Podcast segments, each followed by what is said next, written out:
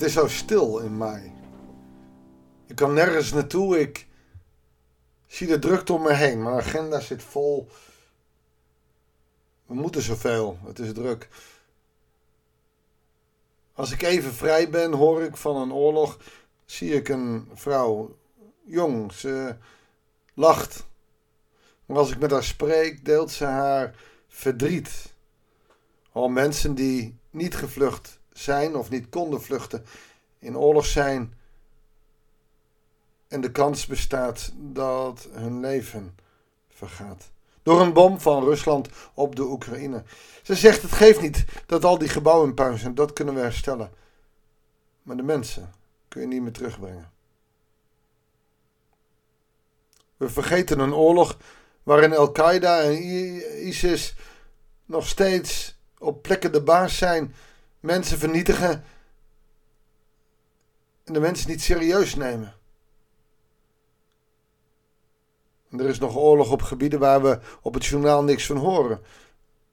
Want een land is niet interessant, het heeft geen grondstoffen waar we belang bij hebben. En dus de oorlog, dat zoeken ze maar uit. Maar het is niet stil in mij. Ik merk dat het een chaotische wanhoop is. De wereld staat in brand, er is lijden. Waar kan ik met deze chaos naartoe? Hoe kan ik stil worden? Ik kan alleen maar stil worden bij iemand die het begrijpt. Stil kan je worden, stil word je als je denkt aan het kruis. Hoe Christus, een man die niks verkeerd deed, gemarteld is. Om niks opgepakt, verraden met een kus. In de steek gelaten door zijn vrienden die hij zo hard nodig had. Bespot, bespuugd. Een zogenaamde mantel om en een doornenkroon. En de vijand, ze kunnen geen kwaad in hem vinden. Waarom zouden we deze man doden? En toch, deze man, deze Jezus van Nazareth, is de man die het lijden goed snapte. Is door het lijden heen gegaan, is drie dagen in die hel geweest. Het is Goede Vrijdag. Er lijkt niks goeds aan deze wereld, hoewel het zonnetje schijnt. Hoewel ik goede contacten heb, gezond ben en in vrede leef. Maar het wil niet stil worden omdat het lijden in de wereld zo groot is. En er is maar één plek waar ik nu naartoe kan. Onder het kruis. Ik vraag me af waarom mensen thuis blijven op Goede Vrijdag niet naar de kerk willen. Ik vraag me af waarom mensen überhaupt Pasen vieren als ze niet door Goede Vrijdag heen zijn gegaan.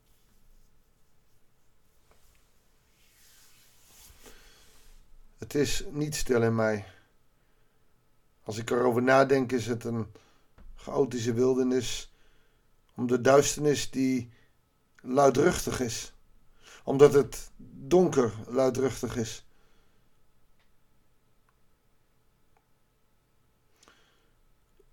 Ik hoor hem roepen.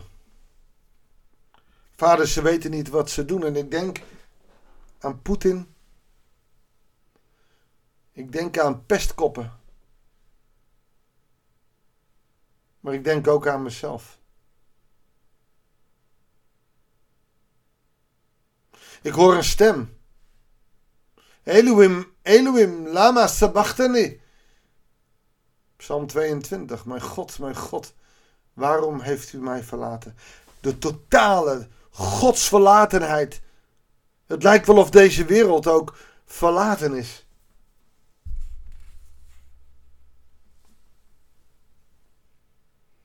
En dan? Het is volbracht. Hij laat zijn hoofd vallen.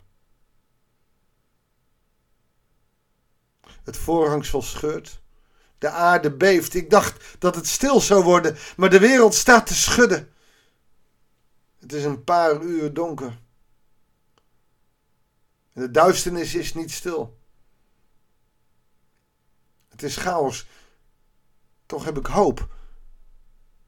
Want ik weet dat Christus door de hel gaat voor ons om de gebrokenheid op zich te nemen. Om de zonde, verdriet, pijn, de moeite, om die op zich te nemen. Omdat alleen Hij de last van de wereld kan dragen. Niemand anders, want Hij is God. Maar het doet zo zeer als het zo chaos is in mij. Want Hij hangt er ook door mij. Op de wereldschaal zijn mijn zonden maar klein en zullen sommigen zeggen: wat stel je aan? Bij God is iedere zonde gelijk, hoe gek het ook klinkt. Of je nou een dropje steelt, een auto steelt, iemand doodschiet of een complete oorlog is. Er staat in de Bijbel niet dat er verschil is in zonde, maar er staat dat er zonde is. En daarvoor moest hij aan het kruis. Dus ook voor mij. Het is niet stil, het is chaos. Ik ben op zoek naar stilte. Morgen is het stille zaterdag, geen podcast, geen werk. Boodschappen doen, gasten krijgen, verjaardagsvisite. Het lijkt wel of in deze wereld de stilte zo ver weg, zo onbereikbaar is. Zo stil. Zo stil in mij. Ik wil stil worden onder het kruis. Met mijn ogen dicht. De wereld, die hoor ik wel, maar ik wil mijn oren dicht en ik focus mij op het kruis. Ik stuur iedereen weg, soldaten, Maria, de discipelen. Johannes, alsjeblieft, laat me even alleen hier onder het kruis, nu die nog niet dood is. God, in deze stilte kijk ik naar u op en u hangt aan het kruis, het bloed stroomt langs de balken naar beneden. Ik weet wat het doet als het in het water terechtkomt, mensen genezen. En ik weet dat het bloed uiteindelijk mij zal schoonwassen. Wit en dan wit, maar het is zo oneerlijk, want u hangt daar aan het kruis voor mij. En ik weet wel, het is 2000 jaar geleden, maar met je ogen dicht wordt het reëel. Want hij heeft het gedaan.